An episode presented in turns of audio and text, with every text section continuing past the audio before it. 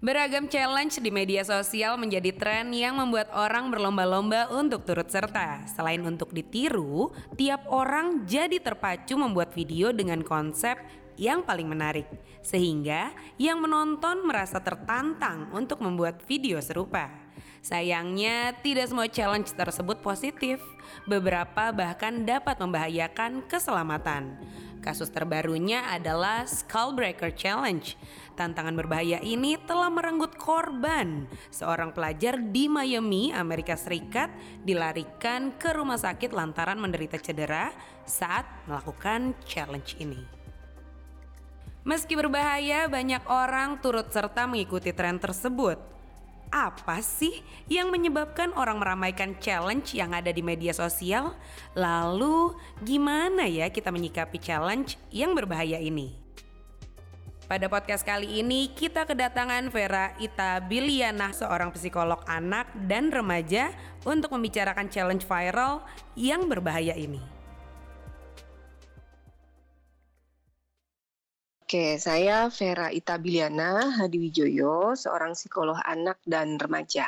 Di tahun 2019 ini kan ada banyak challenge yang jadi tren di media sosial nih Mbak. Sepertinya di tahun 2020 hmm. ini juga akan demikian nih. Tapi yang terbaru soal school breaker. Sebelum ke sana nih, uh, hmm. saya mau nanya, kenapa ya manusia itu tuh sering tertarik untuk ikut mencoba dalam hal-hal semacam challenge ini? Apa sih yang didapat dari orang-orang yang mencoba challenge itu? Rasa senang atau apa gitu Mbak? Oke, uh, kalau saya rasa sih apa tiap orang punya motif yang berbeda-beda untuk uh, ikut-ikutan challenge ini seperti skull breaker gitu kan ya. Kebanyakan karena kan ini yang melakukan adalah usianya rata-rata kan masih usia remaja gitu. Jadi mereka melakukan ini karena ini memang lagi tren gitu. Jadi mereka supaya tetap merasa belong di kelompoknya, merasa tetap dianggap gaul, uh, mengikuti tren dan sebagainya. Jadi mereka ikut-ikutan lakukan itu. Terus ada juga yang merasa tertantang,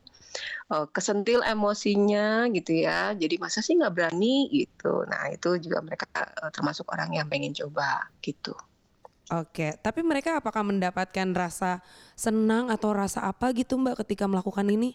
Pasti senang ya, tapi mungkin yang mereka dapatkan adalah penerimaan, penerimaan di dalam kelompoknya. Nah, terus kan kalau kita bicara soal apa individu yang masih berada dalam usia tahapan usia remaja, ini kan ada hubungannya dengan perkembangan otaknya mereka nih, gitu ya. Eh, di otak kita tuh ada nama bagian, ada yang namanya bagian itu prefrontal cortex, itu di bagian depan. Nah, bagian ini adalah uh, yang berfungsi untuk membantu kita melakukan fungsi-fungsi eksekutif, jadi executive functioning, misalnya pengambilan keputusan, memilih mana yang benar, mana yang salah, gitu ya, menimbang, memilih, gitu ya, Men, apa mengambil keputusan untuk mengambil tindakan yang tepat yang mana, yang pantas yang mana, yang patut yang mana gitu. Nah, bagian ini itu baru sempurna berfungsi, baru optimal berfungsi itu di usia 20 tahunan. Gitu. Nah, sebelumnya semua perilaku, semua keputusan uh, di, lebih didominasi oleh emosi. Nah, jadi ketika challenge-challenge ini muncul, ini kan sebenarnya lebih terpancing adalah emosi. Mungkin uh, di secara rasional ini kan mereka udah tahu ini bahaya nih gitu. Tapi dari emosi karena si fungsi bagian otak tadi belum optimal, kalah sama emosinya. Ya emosinya yang bilang malah masa gitu aja nggak berani sih gitu. Nanti kalau nggak nyoba dianggap uh, kudet lah gitu ya, nggak diterima di kelompoknya lah gitu.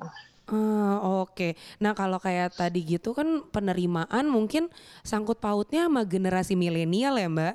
Karena dianggap generasi yang sangat dekat dengan gadget, hal-hal yang berkaitan dengan dunia maya nih. Semua informasi uh-uh. dikonsumsi biar nggak ketinggalan. Bener nggak sih, Mbak, bahwa adanya internet itu membuat manusia ketergantungan dan harus mengikuti hal-hal yang baru gitu? Nah, gini, kalau kita bicara soal generasi, tadi kan disebut generasi milenial. Generasi milenial tuh yang paling uh, apa? paling muda tuh sekarang umurnya udah 23-an ya gitu. Jadi kalau kita lihat yang ikut challenge-challenge ini sebenarnya ke, di bawahnya, generasi di bawahnya, generasi adiknya yaitu adalah generasi Z. Generasi Z ini yang lahirnya tahun 90-an tengah sampai akhir sampai ke 2010 gitu. Jadi 95 ke bawah, 97, 98 sampai 2010. Nah, ini generasi Z kita sebutnya. Gitu. Jadi rata-rata mereka sekarang umurnya 9 sampai umur 21-an gitu ya. Gitu ya. Masih 20-an awal. Nah, generasi ini yang tadi saya bilang mungkin prefrontal cortexnya belum berfungsi optimal gitu. Nah kalau tadi dibilang internet itu membuat orang ketergantungan informasi ya bisa aja karena internet sendiri dunia maya sendiri juga supaya tetap digandrungi supaya tetap kita attach ke situ mereka juga selalu provide info-info baru gitu kan. Karena kalau kita bicara soal orang-orang yang masih tahapan usia perkembangan remaja sampai dewasa muda itu mereka juga sangat suka dengan hal yang baru, yang berbau sensasional, yang beresiko gitu. Karena itu juga ada hubungannya dengan uh, memacu adrenalin gitu ya, menambah gengsi di mata teman-temannya gitu. Ah, bener juga tuh Mbak. Nah, kalau uh, misalnya dikaitkan dengan fear of missing out gitu ya Mbak, bisa dijelaskan nggak Mbak ke pendengar kita nih, kalau FOMO ini fenomena apa sih Mbak sebenarnya? Fear of missing out ya masih ada hubungannya dengan itu ya. Ketika seseorang beranjak ke usia remaja, kan uh, dia mulai membentuk jati diri. Di dalam self identity-nya itu terla apa selain saya namanya siapa, saya sekolah di mana, saya bisa apa, juga ada di situ saya posisinya di lingkungan saya tuh di mana, saya tuh termasuk kelompok mana sih gitu. Ter, termasuk kalau misalnya masih sekolah gitu ya, termasuk anak basket kah, termasuk anak kir lah, kelompok ilmiah lah, atau termasuk uh, geng populer kah, nah di situ. Nah, fear of missing out ini juga dialami oleh uh, mereka ketika mereka berada di dalam kelompoknya. Jadi ketika kelompoknya itu sedang memandang sesuatu, misalnya taruhlah uh, K-pop gitu ya. Nah ini kelompok ini harus tahu terus tuh detail-detail. Ketika dia ketinggalan, dia merasa left out merasa tidak di dalam uh, apa grup itu lagi. Kenapa itu sangat mengganggu? Karena itu berkaitan sama identitas dirinya. Semua pasti pengennya dianggapnya dipandangnya keren, uh, apa namanya uh, baik, positif di mata orang lain gitu. Nah, uh, kalau misalnya dia left out, dia harus masuk itu kan kayaknya hina banget itu makanya dia berusaha untuk uh, masuk ke kelompok yang dia inginkan yang dia anggap keren gitu. Tapi ini balik lagi ke individunya masing-masing. Saya sih pernah ketemu dengan beberapa remaja yang saya dirinya fine fine aja nih. Saya bisa uh, senang kok dengan sendiri gitu. Misalnya dia nggak ketemu kelompok yang cocok ya udah I'm fine with myself gitu. Itu ada juga.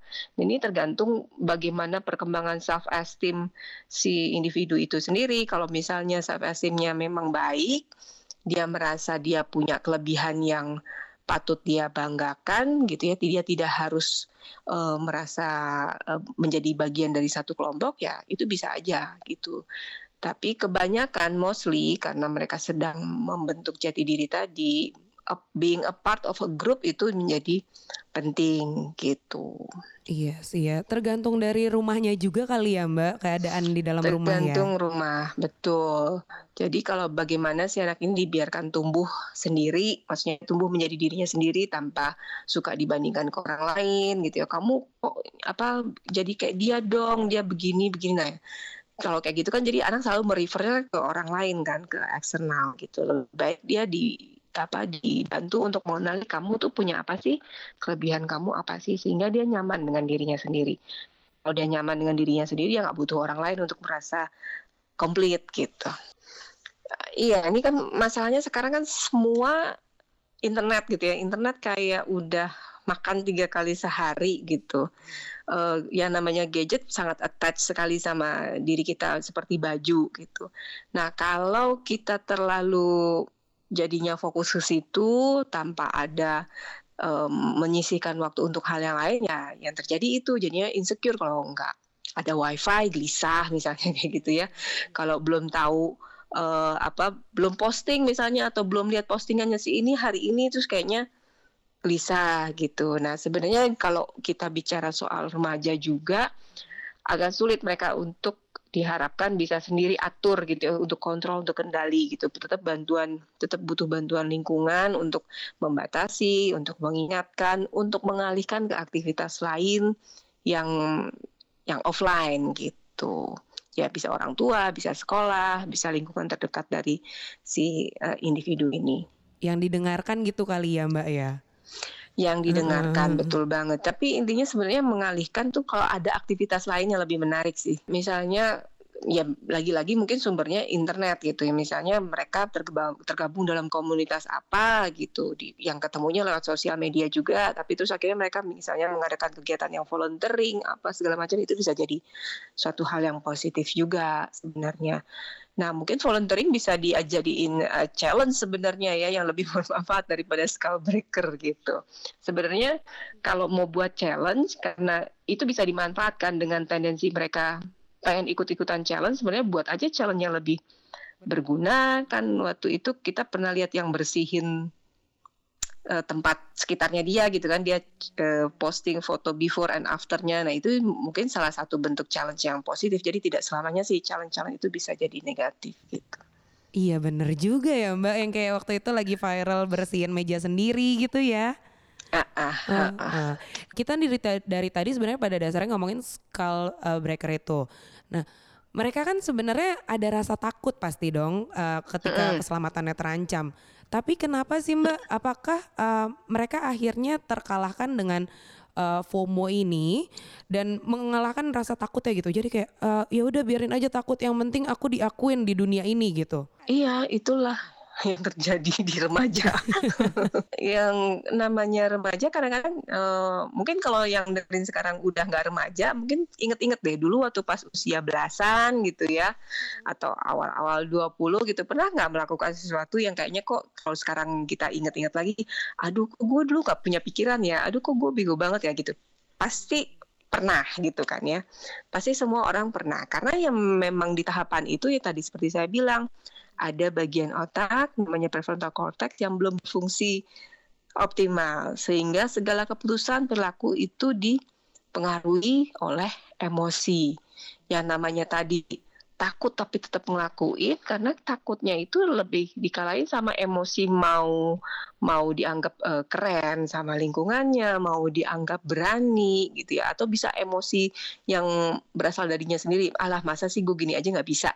Nah itu juga itu semua kalimat-kalimat emosi kan gitu. Jadi mengenyampingkan apa yang dia tahu bahwa ini uh, berbahaya, bahwa ini bisa beresiko kematian gitu ya. Tapi itu kalah kalah. Jadi di dalam otaknya itu si prefrontal cortexnya masih kalah sama apa yang keluar dari uh, amigdala. Amigdala itu bagian yang mengatur emosi tadi gitu. Oh gitu. Nah kalau terakhir nih Mbak, aku minta dong uh, saran untuk pendengar nih biar lebih cermat gitu sebelum ngikutin tren atau challenge-challenge yang lagi viral gitu.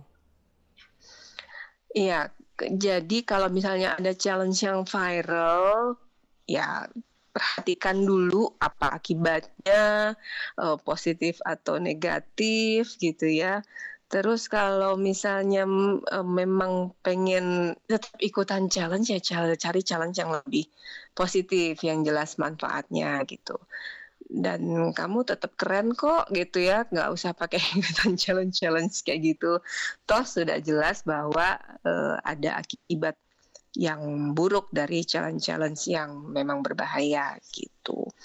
Jadi dipilah-pilah lagi uh, dan kalau dalam memilah kan nggak nggak banyak uh, waktu yang terbuang sebenarnya karena internet semua serba cepat gitu. Cari challenge yang lebih bermanfaat, lebih positif baik buat diri sendiri sama buat orang lain terus ya itu viralkan aja. Jadi itu mengalah, bisa mengalahkan challenge-challenge yang berbahaya tadi gitu. Tuh, udah dengerin kan alasannya dari psikolog anak dan remaja? Coba yuk, kita bikin trend challenge yang lebih positif biar memberikan dampak yang positif juga.